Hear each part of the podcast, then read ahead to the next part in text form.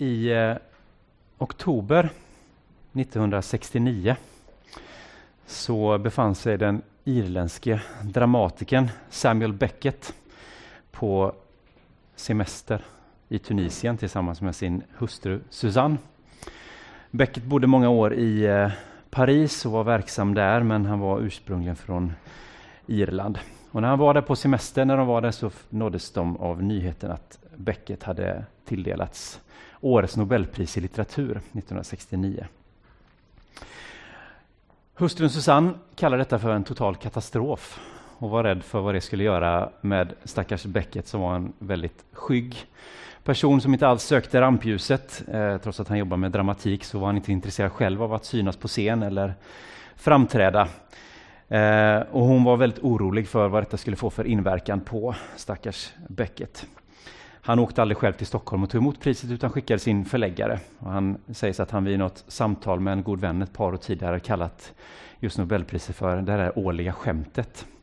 Så eh, man hör ju ibland historier om, det är kanske framförallt just eh, de som vinner litteraturpris, litteraturpriset som tenderar att kanske ibland vara lite motstridiga. Bob Dylan var det väl häromåret som också tyckte att nej, vad ska jag ha det där för? Och, åkte väl inte heller och tog emot det själv utan någon annan fick ta emot det i hans ställe.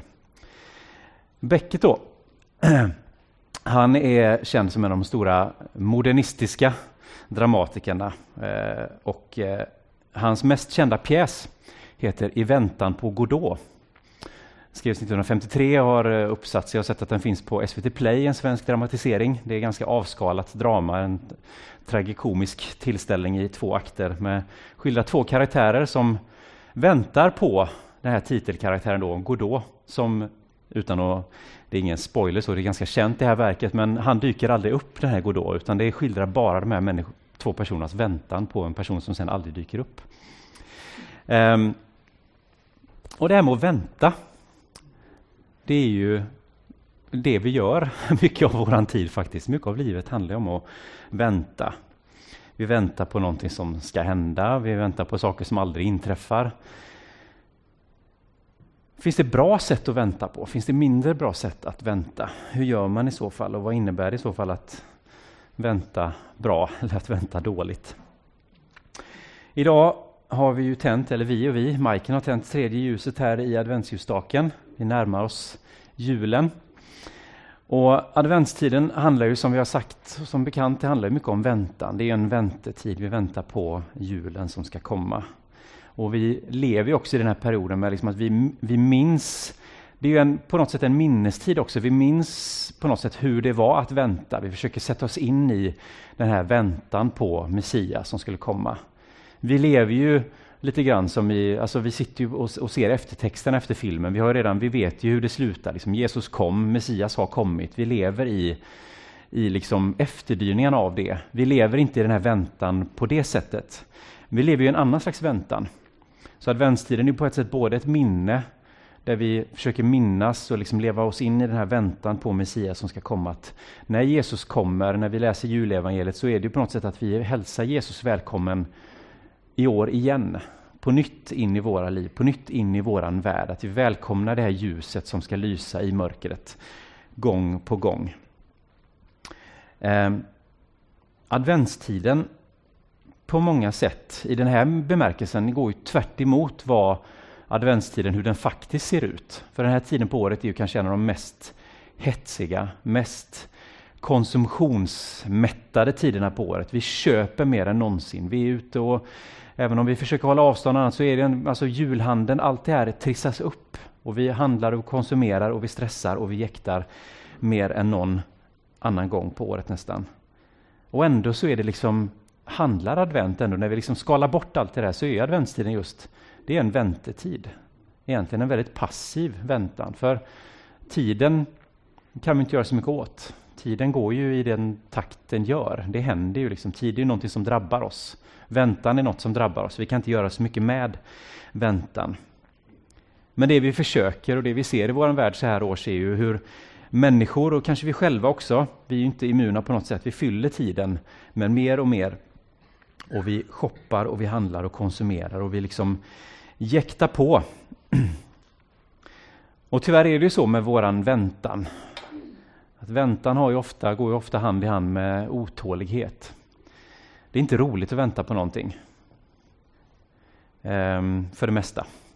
Ibland kan det finnas någon slags liksom njutning av att gå och suga på det här. Snart kommer det, snart kommer det. Men då vet man ändå att det kommer.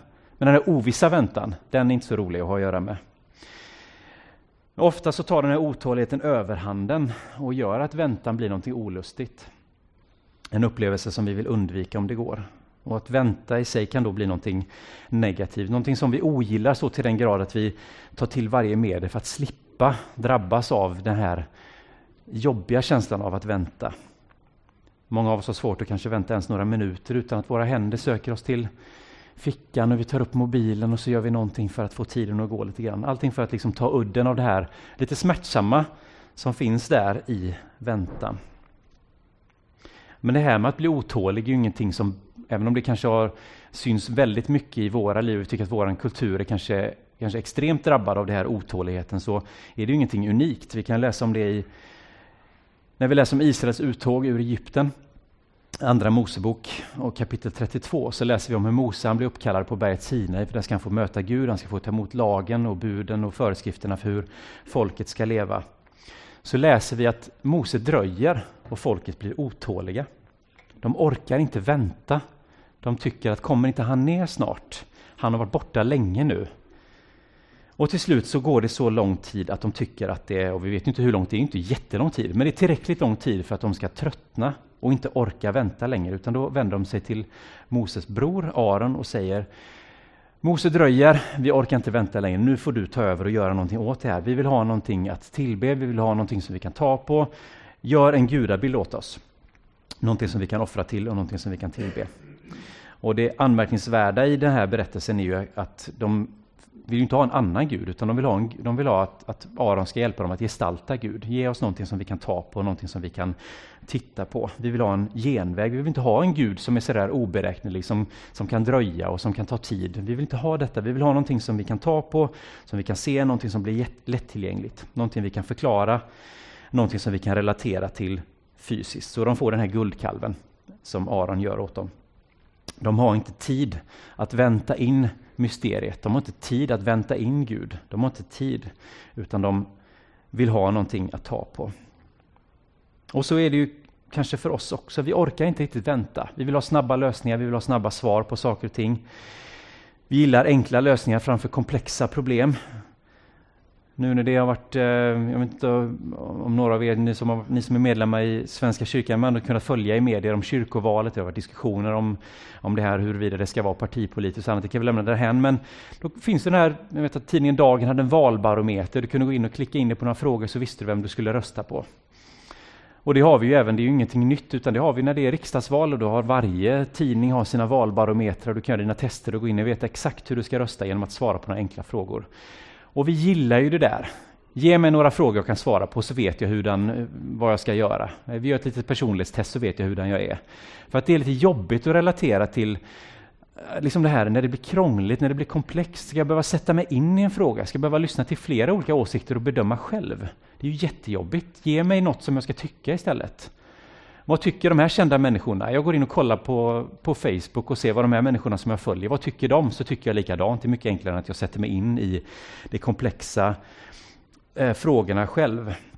Så lyssnar vi aldrig till folk som säger vad vi ska tycka och tänka. Men jag tänker så att mycket av den kristna tron och det livet som vi lever, det, det handlar ju om att vänta. Vi väntar på saker och ting. Det är Läser vi Bibeln så är det fullt av berättelser med folk som fick vänta på att någonting skulle hända. Ibland i total ovisshet. Man visste inte alls, man visste knappt vad man skulle vänta på, men man fick vänta. Abraham och Sara fick vänta på sin son. Ni vet att det dröjde ju massor av år. Israels folk var i slaveri i Egypten, väntade på befrielse, fick också vänta länge, fick vänta i flera generationer innan befrielsen kom. De vandrade runt där i öknen i väntan på att få komma in i löfteslandet. 40 år. Det är ganska lång väntan. Och gå runt, runt, runt och bara vänta på att få komma dit. Sen när de hade levt i sitt land ett tag så blev de bortförda i fångenskap. Där fick de också vänta på befrielse. De fick genomleva ockupation under generation efter generation. Det var den ena ockupationsmakten efter den andra. Det var Babylon, det var Assyrien, det var Grekland och det var Rom. De väntade på befriaren, de väntade på Messias. Vem är Messias ens? Vi vet inte vem det är vi ska vänta på. Vi väntar på att någon ska komma som Gud ska sända. Och när Jesus väl hade kommit, ja, då följde hans lärjungar honom och väntade och blev också lite otåliga. Jesus, när är det du ska, när är det du ska ta över tronen? När är det du ska kasta omkull ockupationsmakten? Är det nu du ska göra det eller vad är det vi ska vänta på? Johannes döparen skickar sina lärjungar att fråga, är du den som ska komma eller ska vi behöva vänta lite till? De väntar och väntar och väntar. Och sen dör Jesus. Och så får hans lärjungar genomlida det här dygnet som måste ha känts som flera år innan Jesus uppstår. När de tänker, har vi väntat i onödan, har vi gått i hans fotspår i tre och ett halvt år, så blev det ingenting av det. Som vi har väntat. Och vad ledde det till? Sen uppstod Jesus. Han var med dem ett tag, det var säkert jättehärligt. Sen lämnar han dem och säger, nu får ni vänta igen på den som ska komma, på hjälparen. Och så fick de vänta där. Dag ut och dag in samlades. Ska vi ta och samlas och be imorgon igen? Eller ja, vi gör väl det, se vad som händer. Och så fick man bara liksom vänta och vänta och vänta. Det är inte så att det här var en dans på rosor. Det var inte så att Israels folk gick runt där i Egypten och tyckte att det här är ganska skönt. Det här kan vi ju faktiskt fortsätta med. Vi behöver nog inget löftesland. Det är ganska härligt att knata runt här och käka manna och vacklar. Det, är ju, det tröttnar man väl inte på i första, första skedet. Nej, det var nog mycket frustration, mycket hopplöshet, mycket ovisshet framför allt. Saltarsalmerna är fulla med böner om att Gud, hur länge ska vi vänta? Herre, skynda till våran räddning. Vi orkar inte vänta längre. Hur länge, Gud, ska du dröja? Hur länge ska vi behöva vänta? Och sen har vi ju det här temat, adventstidens tema, Marias väntan.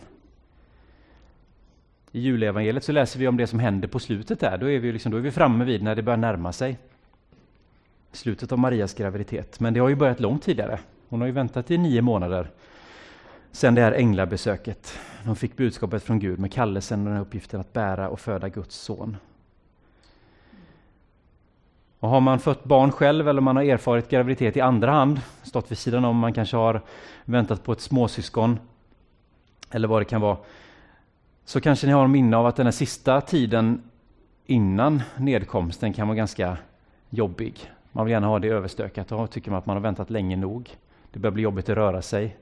Det börjar bli, göra ont överallt. Inte just i andra hand, utan för den som bär barnet. Då menar jag, även om det finns skengraviditet också, att man kan, som, eh, man kan sympatisera och säkert känna vissa krämpor också, så vill jag inte jämföra det med hur det faktiskt är att bära på ett barn. Men nåväl. Men det finns ju en poäng med den här väntan. Det finns en poäng med att det tar tid för barnet att utvecklas och växa där i, i magen under de här månaderna. Ett barn som kommer till världen behöver ju omsorg och omvårdnad. Och även om mycket av det där under optimala förhållanden kan funka bra, det nyfödda barnet kan förhoppningsvis få mat och äta direkt när det kommer ut ur mammans mage och så vidare, kan sova tryggt och nära i, i sängen nära mamma och pappa kanske, men eh, vi vill också använda den här tiden till att förbereda oss. Eller hur? Man vill ställa i ordning en plats hemma, man vill ha en säng, man vill ha allt det praktiska. Det finnas, ska finnas blöjor och tvättlappar så man inte kommer hem plötsligt och säger vad gör vi nu med det här barnet? Var ska vi stoppa det här någonstans? Det har vi inte alls tänkt på. Utan man använder den här tiden för att förbereda sig. Och man förbereder sig mentalt. Oavsett om det är första eller femte barnet så är det ändå någonting, det är någonting nytt som händer. Någonting som man behöver förbereda sig. Det finns en massa frågor säkert som surrar i huvudet. Hur kommer det här barnet vara? Vad kommer det här barnet få för personlighet? Och kommer barnet sova på nätterna? Kommer vi behöva vara vakna? Det finns en massa saker som surrar. Och det var naturligtvis en frågor som surrade i huvudet på Maria och Josef också. Och förutom, förutom alla de här praktiska frågorna så var det också, vad händer nu? Hur ska vi göra med släkten och familjen som Alltså, vi har fått dra den här historien och vi vet ju att alla tror inte på den här historien. Det var inte så att Ja, visst, ängeln fick ju visa sig för Josef också, han blev övertygad. Men resten av familjen då? Ja, ja, de drog den här storyn om att det var en, ja, hon bär Guds son. Ja, det vet vi ju. Det, det är rätt vanligt att det händer, eller hur?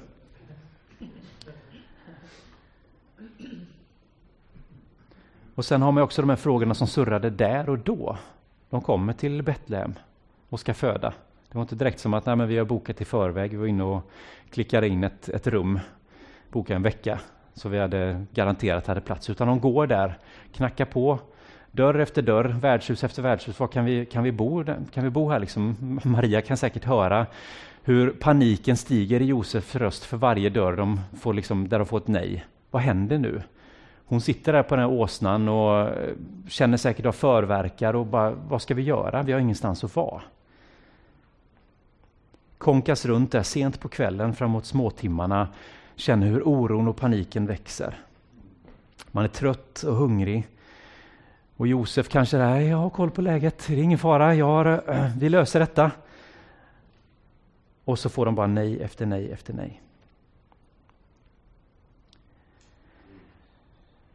Så baksidan av det här med att vänta, det är ju att det ofta har en viss karaktär. Vi kan vänta på någonting som vi hoppas på, vi kan vänta på någonting som vi känner en oro inför. Väntan i sig behöver inte vara någonting negativt, utan det är ofta det här som vi förknippar det med. Den här frustrationen över det här hoppfulla vi väntar på som inte kommer, eller den här oron, vad ska hända? Och så väntar vi och så blir det negativt på grund av det också. Men Bibeln säger också att väntan är en, det finns en möjlighet i väntan. Det finns någonting i väntan som också... Det finns någonting i själva väntan, i själva den processen som är viktigt. I Jesaja kapitel 40, vers 31 så står det att den som litar till, och det hebreiska ordet för att lita till översätts på, egentligen på de flesta andra ställen översätts med att vänta på. Den som väntar på Herren får förnyad kraft.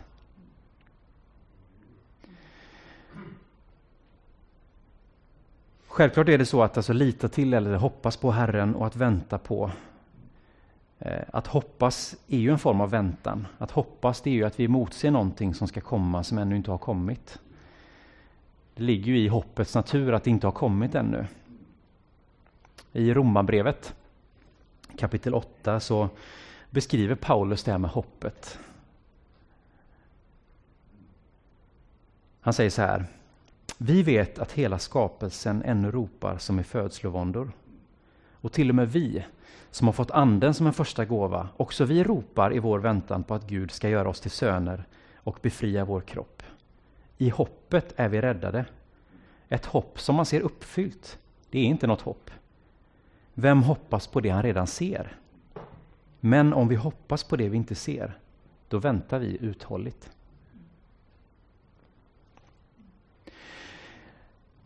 I många avseenden så kan man ju säga att adventstiden är en slags träningsperiod. Och en del av er känner till detta redan, men adventstiden är ju, ser vi historiskt och traditionellt sett, så är ju adventstiden är ju den andra stora fasteperioden i kyrkans kalender.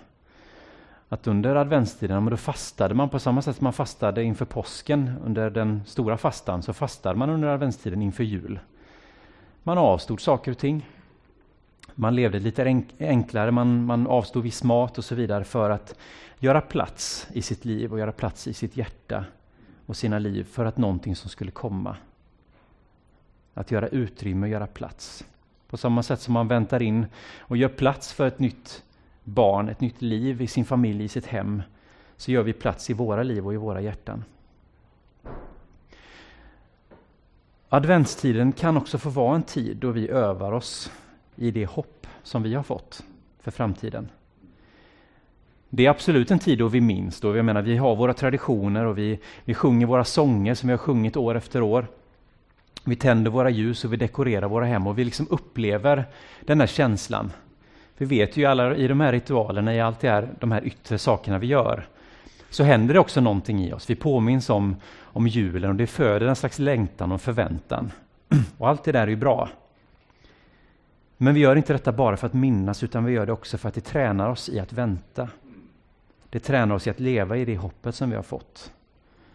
Advent, det är en övning för oss vars liv definieras av det som ska komma. För precis som Paulus skriver där så vi lever ju i hoppet. Vi hoppas på någonting som vi inte har sett. Och vi väntar uthålligt. För att leva med hoppet, att leva i ljuset av det som ska komma, det handlar om att man, om att mer än att bara liksom bära på någon slags vag känsla om förhoppning, att liksom, ja, men vi ser fram emot någonting Som ett barn som väntar på julafton eller någon som räknar ner dagarna tills ja, snart är det semester. Att någon slags vag förhoppning om någonting härligt som ska komma. Utan att hoppas, det är att leva, leva ut framtiden här och nu. Att leva framtiden, inte att leva futuristiskt. Det handlar inte om att ha VR-glasögon och ha coola neondräkter, utan det handlar om att leva nu ska jag försöka mynta ett, jag hoppas att detta blir en, en grej som verkligen sätter sig nu, men att, det är att leva framtidigt. Eh, framtidigt är vår, eh, dagens glosa som ni får med er. Jag ska försöka hitta på ett nytt begrepp. Men att leva framtidigt enligt min definition, det är att leva i nuet som om framtiden redan är här. Att leva med framtiden som någonting som bultar i våra bröst, som bultar i vårt hjärta. Att leva framtidigt, det är inte att vänta på något som ska komma. Det är inte som att stå och vänta på att vattnet ska koka upp och vi kan lägga i spagettin. Eller det är inte att vänta, vi hör hemglassbilen och vi väntar på att det ska komma runt hörnet. Att vänta på det sättet, det är att pausa livet. Det är att inte göra någonting medan man väntar på att något ska hända. Det är inte det det handlar om. För att lever vi på det sättet, då tränger vi bara undan nuet. Då slutar vi leva, då väntar vi på något som ska komma som är bättre än det vi har nu. Men att leva framtidigt, det är att leva det är att förhålla sig till världen så att det blir liksom genomsyrat av förväntan. Istället för att jag bara väntar passivt så formas mitt aktiva liv, mina handlingar, allt det jag gör och är, formas av det jag hoppas på. Det är som att jag tar emot mig själv ifrån framtiden. Inte på ett liksom tidsresemässigt sätt, utan det är att jag, jag ser fram emot någonting och låter det drabba mig så, så att det styr hur jag lever mitt liv här och nu. Att jag blir det som jag är kallad att vara, jag strävar efter det. Att vi är det som vi hoppas på. Att vi lever ut våran kallelse. Att vara det som Gud har tänkt att vi ska vara. Som tänkt att vi ska bli. Och hoppet, precis som kärleken, kräver övning. Vi behöver öva oss i hoppet. Och jag tror att den här adventstiden kan få vara en övning i hopp. Vi kan få sjunga de här sångerna, vi kan få öva oss i hoppet, vi kan få liksom gå in i den förhoppningen och den väntan som människorna levde med när de väntade på Messias. Vi kan få gå in i den och träna oss. Men göra det med den här insikten och den här förvissningen om att vi hoppas på någonting, vi väntar på någonting som ska komma och vi lever i ljuset av det. Inte i en passiv liksom trumma på knäna, rulla tummarna, vänta på någonting, utan vi aktivt emotser det. Och vi lever på ett sätt som att framtiden går oss till mötes. Vi är ett hoppets folk. Kanske är det så att du är här idag och att du bär på ett tynande hopp. Du kanske upplever, på att du, upplever det som att du väntar på någonting som liksom inte vill infinna sig. Det kan vara något litet eller kan vara någonting stort kanske känns som att du befinner dig i en, din egen personliga iscensättning av i väntan på Godot. Och du är också rädd på att Godot aldrig kommer infinna sig i din gestaltning av den här pjäsen heller.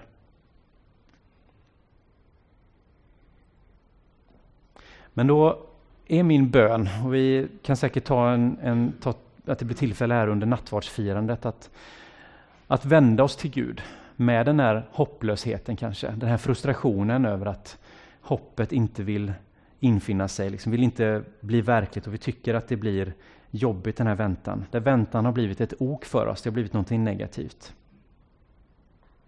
Men jag vill också uppmana dig att söka tröst. Sök tröst i salta salmerna. Det är okej okay att uttrycka vår frustration i bön till Gud. Salta salmernas författare som gång på gång uttrycker den här frustrationen. Hur länge Gud ska jag behöva vänta? Herre, skynda till våran räddning. Befria oss ifrån det här. Det är okej okay att uttrycka den frustrationen. Det kan se mörkt ut. Det kan kännas som du är i en tunnel och du ser inte änden på den. Du väntar på ljusningen men du tycker inte den kommer. Du tycker att bakom den här kröken kanske. Men inte ens där. Men jag ber att du ska få klänga dig fast vid hoppet idag att den här adventstiden ska få vara en tid då ljuset bokstavligt får lysa men att du också får, du får känna hur det är någonting som, som får liksom en, en, en flamma och en eld i ditt liv som får blå, blossa upp. Som får få syre och som får liv. Någonting att hålla fast vid. Och att vi får leva i den här väntan som Paulus uttrycker. Att vi får ropa ut tillsammans med hela skapelsen som ropar i födslovåndor och vi får längta efter befrielse, vi får ropa till Gud om befrielse. Men jag ber att vi inte ska få tappa hoppet utan känna hur den här adventstiden får vara någonting som blåser liv i vårt hopp. Som fyller oss med förtröstan och tro om att Gud har en ljus framtid för oss. Amen. Herre, jag tackar dig för den här adventstiden. Tack för allt det som vi får vara med om, allt det som vi får uppleva av traditioner, av nostalgi, av allt det som är liksom påminner oss om, kanske för oss tillbaka till våra barndomsjul eller vad det kan vara som vad det är som, som blåser liv i, våra, i oss under den här tiden. Allt det där som vi får liksom minnas, vi får glädjas, vi får komma tillsammans som släkt och som familj och med vänner och, och känna den här gemenskapen, känna värmen, känna hur, hur adventstiden får, liksom, får lyfta oss och bli någonting som, som får omhulda oss. Men jag ber också att den ska få tända någonting i våra liv på djupet. Att vi får bli hoppets människor, att vi får träna oss i hoppet den här tiden. Att när det känns tufft, när det känns som att vi, vi väntar på någonting som bara dröjer, som inte vill infinna sig, så ber jag dig att den här tiden ska få ge oss nytt mod, ny kraft, ny glädje, att våga hoppas, att våga blicka mot framtiden. Och veta att även om det dröjer så vet vi att befrielsen kommer. Att vi får söka tröst i de här berättelserna i Bibeln om människor som fick vänta och vänta och vänta. Och när det kändes som att allt hopp var ute, ja men då bröt du igenom Gud. Det är inte alltid i våran tid, det är inte alltid när vi önskar. Men tack Gud för att du vill befria oss. Du vill rädda oss. Du vill tända ljuset i våra hjärtan. Kom oss till mötes den adventstiden och jag ber att vi ska få ta den här tiden, den här väntan, inte som en negativ, frustrerande väntan, inte en otålighet, utan en väntan då vi får stilla ner oss, då vi får göra plats för din ankomst i våra liv. I Jesu namn. Amen.